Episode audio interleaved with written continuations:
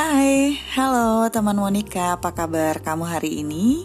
Semoga masih dalam keadaan sehat, dalam keadaan baik-baik aja gitu ya. Dan yang paling penting sebetulnya sekarang-sekarang ini yang kita butuhkan adalah semangat gitu ya untuk bisa terus menjalani hari-hari yang ya masih kita nggak akan tahu kapan akan berakhir masa pandemi COVID-19 ini, but kita harus uh, selalu semangat gitu ya karena sebetulnya sekarang ini semangat adalah salah satu modal yang sangat penting dan harus kita miliki untuk kita bisa menjalani hari-hari dengan baik-baik aja. Oke, ketemu lagi kita tentunya di channel podcast Human Relations. And of course, still with me, Monica with K, not with C, gitu ya. Um, hari ini, oh no, kali ini gitu ya suka agak ini ya, suka agak uh, mencampur adukan realita podcast dengan siaran radio ya kayaknya. Oke, okay, untuk uh, kali ini ini adalah episode yang ke-10 teman Monica. Yay, finally. Sampai juga apa bisa apa namanya? Bisa istiqomah selama tiga episode terakhir ya. Senang banget nih rasanya. Uh, yang jelas di episode ke-10 ini kita masih akan uh, ngobrol atau masih akan ngebahas gitu ya tentang hal-hal yang ada kaitannya dengan uh, hubungan kita dengan orang lain. Kalau di episode yang ke-9 kemarin kita sudah uh, banyak bahas tentang fenomena yang sekarang banyak terjadi gitu ya, gimana di mana banyak orang yang melakukan penangkapan layar gitu ya terhadap percakapan personal kita baik itu melalui WhatsApp atau melalui direct message atau melalui media apa saja begitu. Kemudian kita share lagi uh, dan kita perlu atau butuh untuk memanage itu karena itu berkaitan juga dengan uh, manajemen privacy ya. Jadi kemarin kita mengkaitkan dengan communication privacy management. Oke. Okay. Tadi barusan ada abang-abang es krim lewat. Semoga uh, suaranya nggak kedengeran ya. Kalau kedengeran ya bisa dianggap sebagai permakluman ya. Karena sekarang ini uh, percaya nggak sih bahwa uh, kita semua penduduk dunia itu berada dalam masa permakluman yang sangat besar. Hati kita harus seluas samudra gitu ya. Jadi ketika lagi kelas online tiba-tiba ada suara ayam petok-petok gitu ya atau ada suara bebang sayur yang lewat uh, itu jadi fenomena yang uh, sepertinya banyak juga terjadi di mana-mana gitu ya dan lagi-lagi kita harus memaklumi itu mau nggak mau karena posisinya memang seperti itu gitu ya. Oke. Okay. Nah, untuk yang kali ini uh, kita masih akan bahas tentang bagaimana hubungan atau bagaimana menjalin atau men menjalani hubungan dengan orang lain gitu ya. I'm not an a relationship expert sebetulnya karena sebetulnya my relationships are quite suck juga. Adalah beberapa hubungan-hubungan yang juga asmbuh gitu ya kalau orang Jawa bilang mah.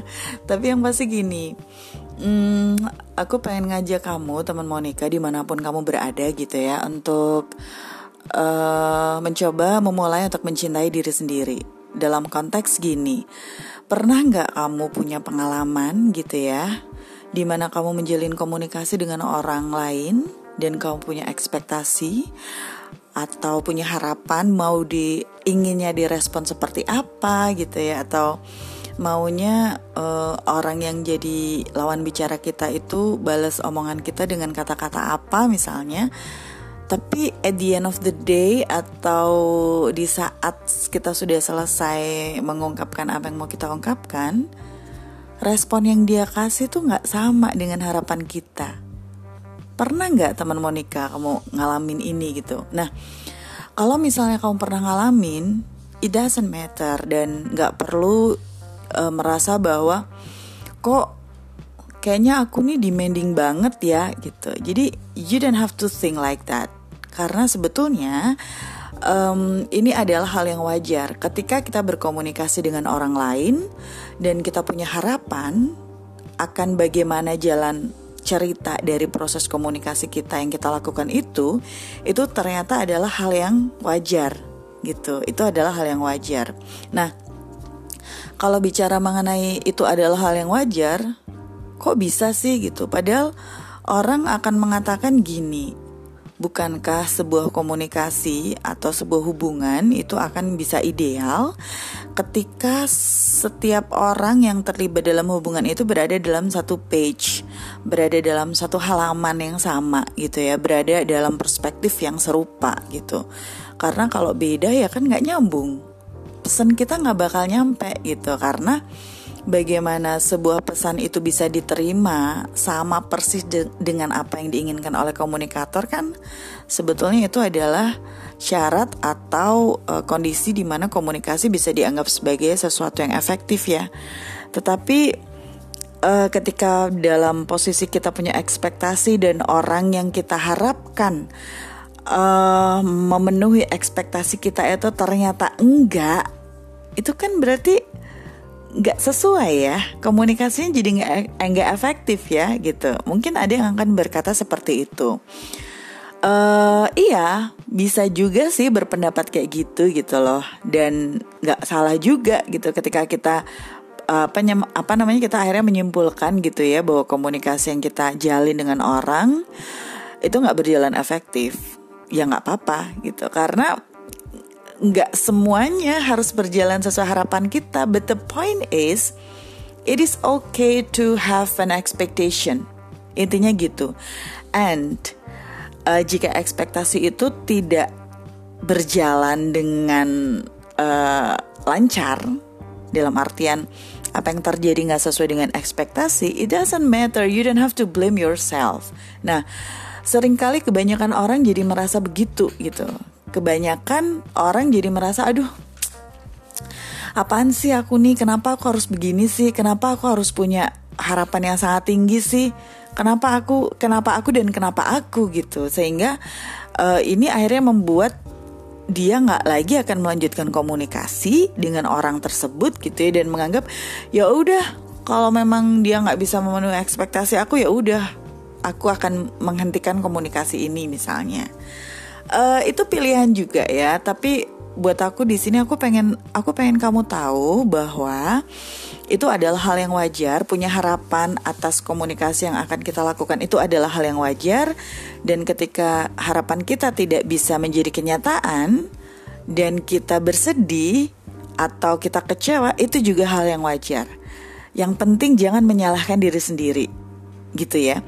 Kenapa aku bisa bilang seperti itu? Karena sebenarnya uh, dalam konteks uh, bidang komunikasi ketika kita berkomunikasi dengan orang lain sebenarnya atau kebanyakan itu sebetulnya dalam proses itu akan ada proses adaptasi dalam interaksi. Nah, ada satu teori nih teman Monica yang membahas mengenai ini. Uh, teorinya ini namanya Interaction Adaptation Theory yang digagas oleh Judy Bergen. Jadi sebetulnya menurut teori ini Bergen tuh bilang gini, dalam proses komunikasi itu sering kali orang tuh akan beradaptasi dengan lawan bicara sehingga terkadang akan ada mirroring di dalamnya. Akan ada apa sih istilahnya? Jadi ketika uh, orang yang kita ajak bicara tuh bersemangat misalnya ya, kita tanpa sadar kita juga akan bersemangat pernah nggak teman-teman ng apa ngalamin hal kayak gitu gitu jadi uh, apa namanya itulah makanya ketika banyak orang yang bilang ya ketika kita bicara dengan orang yang lagi uh, sedih atau orang orang yang lagi marah gitu ya kadang-kadang energi kesedihan dan energi kemarahan mereka tuh ikut nyambung ke kita. Nah, ini adalah salah satu dari bentuk mirroring yang kata Bergen ini ini adalah bagian dari interact adaptive eh sorry interaction adaptation theory interaction adaptation theory jadi ini adalah teori yang uh, mempelajari atau membahas mengenai hal itu gitu ya. Nah, terkait dengan tadi yang aku bilang di awal uh, buat teman Monica yang pernah berharap sesuatu dari komunikasinya dengan orang lain tapi tidak tercapai dan tadi aku bilang itu wajar ya. Nah, konsep itu sebetulnya dibahas juga di teorinya Judy Bergen ini gitu loh. Jadi ada yang namanya interaction position. Jadi interaction position ini adalah uh, salah satu aspek gitu ya atau uh, kondisi di mana kita baru akan memulai proses komunikasi. Nah, dalam interaction position ini ada tiga uh, sub aspek di dalamnya yang biasa disingkat dengan RED atau RED. Untuk R ada requirement di sini, kemudian untuk E ada expectation dan D-nya adalah desires.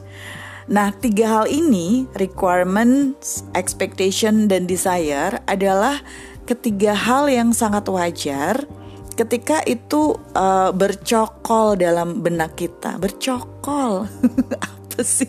Maksudnya ketika kita memulai komunikasi dengan orang wajar ketika kita punya tiga hal itu tiga sub aspek itu gitu ya. Yang pertama misalnya requirement. Requirement ini berkaitan dengan kalau bahasa bahasa Indonesia-nya kan syarat ya. Uh, jadi requirement ini berkaitan dengan hal-hal yang akan membuat kita bisa uh, menerima pesan dengan baik. Misalnya, kita lebih uh, senang atau lebih nyaman kalau ada orang yang ngomong atau orang yang membalas komunikasi kita dengan bahasa yang lemah lembut misalnya. Atau ada juga orang yang bukan tipe seperti itu gitu ya. Kalau yang lemah lembut lemah lembut gitu mah nggak tegas misalnya. Jadi requirementnya aku butuh sama orang yang uh, bisa tegas ngomongnya. Nah, requirement ini kita tumbuhkan gitu ya, kita munculkan dalam benak kita dan biasanya itu akan dibaca oleh orang yang menjadi lawan bicara kita, terutama untuk mereka yang punya past experience dengan kita gitu. Jadi misalnya nih ya, aku nih nggak bisa banget kalau ada orang ngomong dengan nada agak tinggi misalnya. So, buat orang yang tahu my past experience gitu ya masa lalu atau udah kenal lama ketika akan ngomong sama aku pasti dia beda nih nada dasarnya nggak ditinggiin dia nada dasarnya pakai uh, agak rendah gitu gitu terus ada juga yang uh, memang dia biasa gitu dengan dengan nada yang tinggi dan nggak menganggap itu emosi gitu. Nah itu yang disebut dengan requirement. Kemudian aspek yang kedua adalah expectation. Expectation ini adalah harapan yang tadi kita bahas di awal harapan apa sih uh, yang kita inginkan gitu ya terkait dengan orang yang merespon pesan kita gitu expectation. Nah pernah banget nih guys aku ada pengalaman uh, curhat bukan curhat sih cerita aja sekadar cerita ke salah satu orang gitu ya ke orang. Dan waktu itu aku berharap banget dia ngerespon tuh dengan berbeda. Tapi pada kenyataannya enggak. Dia merespon dengan respon yang enggak kebayang kalau dia yang akan merespon gitu. Karena harapannya enggak gitu gitu. Jadi uh, harapan kita terhadap orang tertentu ketika kita berkomunikasi dengan mereka itu pasti akan beda-beda juga gitu ya. Karena kan tipe temen atau tipe relationship yang kita miliki kan beda-beda ya kan. Kalau cerita tentang X dengan teman kita yang A, pasti harapannya akan berbeda ketika kita sama-sama cerita tentang X dengan teman kita si B. Karena relasi kita dengan si A dengan re dan relasi kita dengan si B itu beda juga gitu. Nah, ketika ekspektasi yang sudah terpupuk ini uh, tidak berjalan dengan semestinya, ya pastilah sedih gitu ya, bete, nyesel gitu ya. Kenapa sih harus gitu responnya? Tahu gitu nggak usah cerita, nyesel dan segala macam. Nah itu yang disebut dengan ekspektasi. Kemudian yang ketiga adalah desire atau uh, hasrat ya. Kalau desire ini konteksnya sebetulnya mirip dengan expectation, tetapi ini lebih ke goal akhir uh, jadi tujuan dari komunikasi ini apa itu yang diharapkan jadi uh, requirement uh, baik requirement expectation dan desire itu sebetulnya berharap uh, berhubungan dengan harapan kita gitu ya. Cuman beda konteks masing-masing. Kalau desire ini konteksnya lebih gede lagi lebih luas lagi. Jadi setelah berkomunikasi itu harapannya apa sih? Apakah jadi lega hatinya, apakah jadi dapat input misalnya ya. Jadi ketiganya itu adalah hal yang berbeda.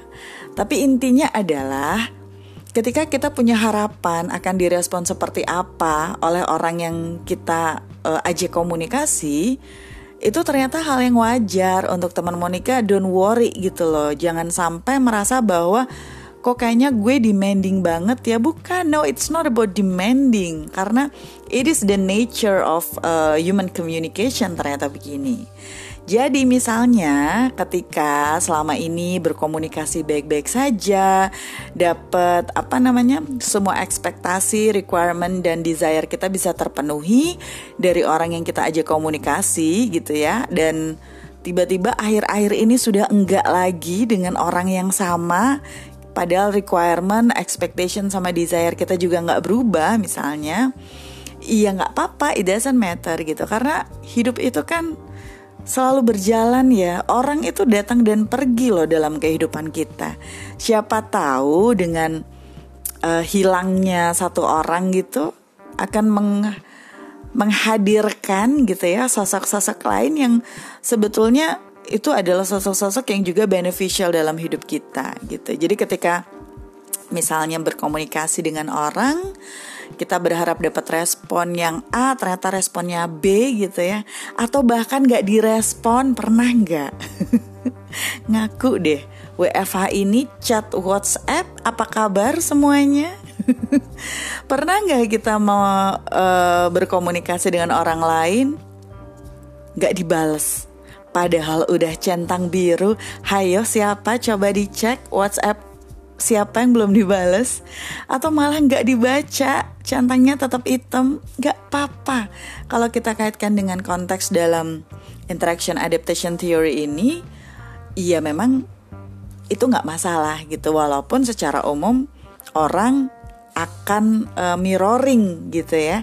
Akan apa namanya ikut melakukan seperti apa yang dilakukan oleh uh, si pembicara yang pertama atau komunikator yang pertama kali menyampaikan pesannya gitu. Walaupun ya nggak semua gitu ya. Jadi mirroring ini nggak selalu sebetulnya uh, mostly aja gitu ya. Dan itu wajar ketika kita punya harapan ketika kita setting apa namanya uh, desire requirement sama expectation dalam setiap proses komunikasi yang kita jalankan gitu ya.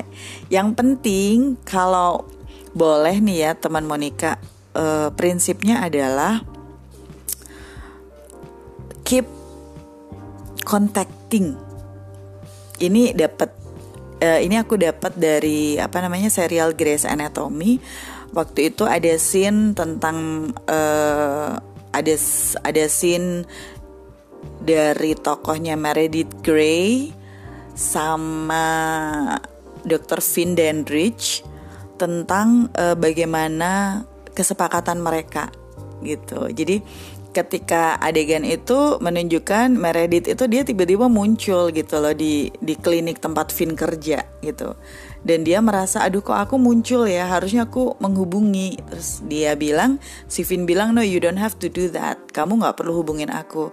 Yang penting kamu selalu muncul gitu. Nah ini juga sebetulnya kalimatnya sepele ya tapi benar-benar ngena gitu loh. Terkadang uh, sering kali sebagai manusia ketika kita sudah tidak direspon oleh orang lain atau ketika kita punya ekspektasi dari orang dan orang itu tidak uh, memenuhi atau ekspektasi itu tidak bisa terpenuhi gitu ya. Terkadang kita pergi gitu.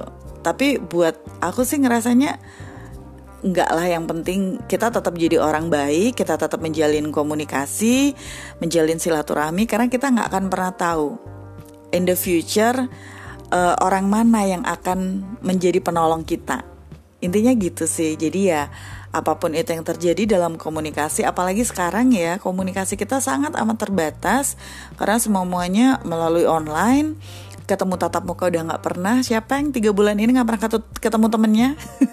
Aku banget guys. Sama sekali nggak pernah keluar rumah. Jadi memang uh, sumber komunikasinya hanya dari komunikasi-komunikasi yang berkaitan dengan internet gitu ya, uh, dengan mediated communication. But it doesn't matter. Yang penting tetap uh, menjadi orang baik, keep showing up gitu ya, keep contacting, keep texting, uh, apa pun yang terjadi selama niat kita baik it doesn't matter. gitu ya. Oke. Okay. Wow, kayaknya panjang banget episode kali ini ya. Tapi yang jelas uh, kayaknya udahan dulu. Terima kasih untuk selalu mendengarkan channel podcast Human Relations ini dan yang penting buat teman Monica, semoga kamu selalu sehat, selalu tebarkan cinta untuk sesama dan selalu bahagia. Saya Monica with Cannot With C. Bye.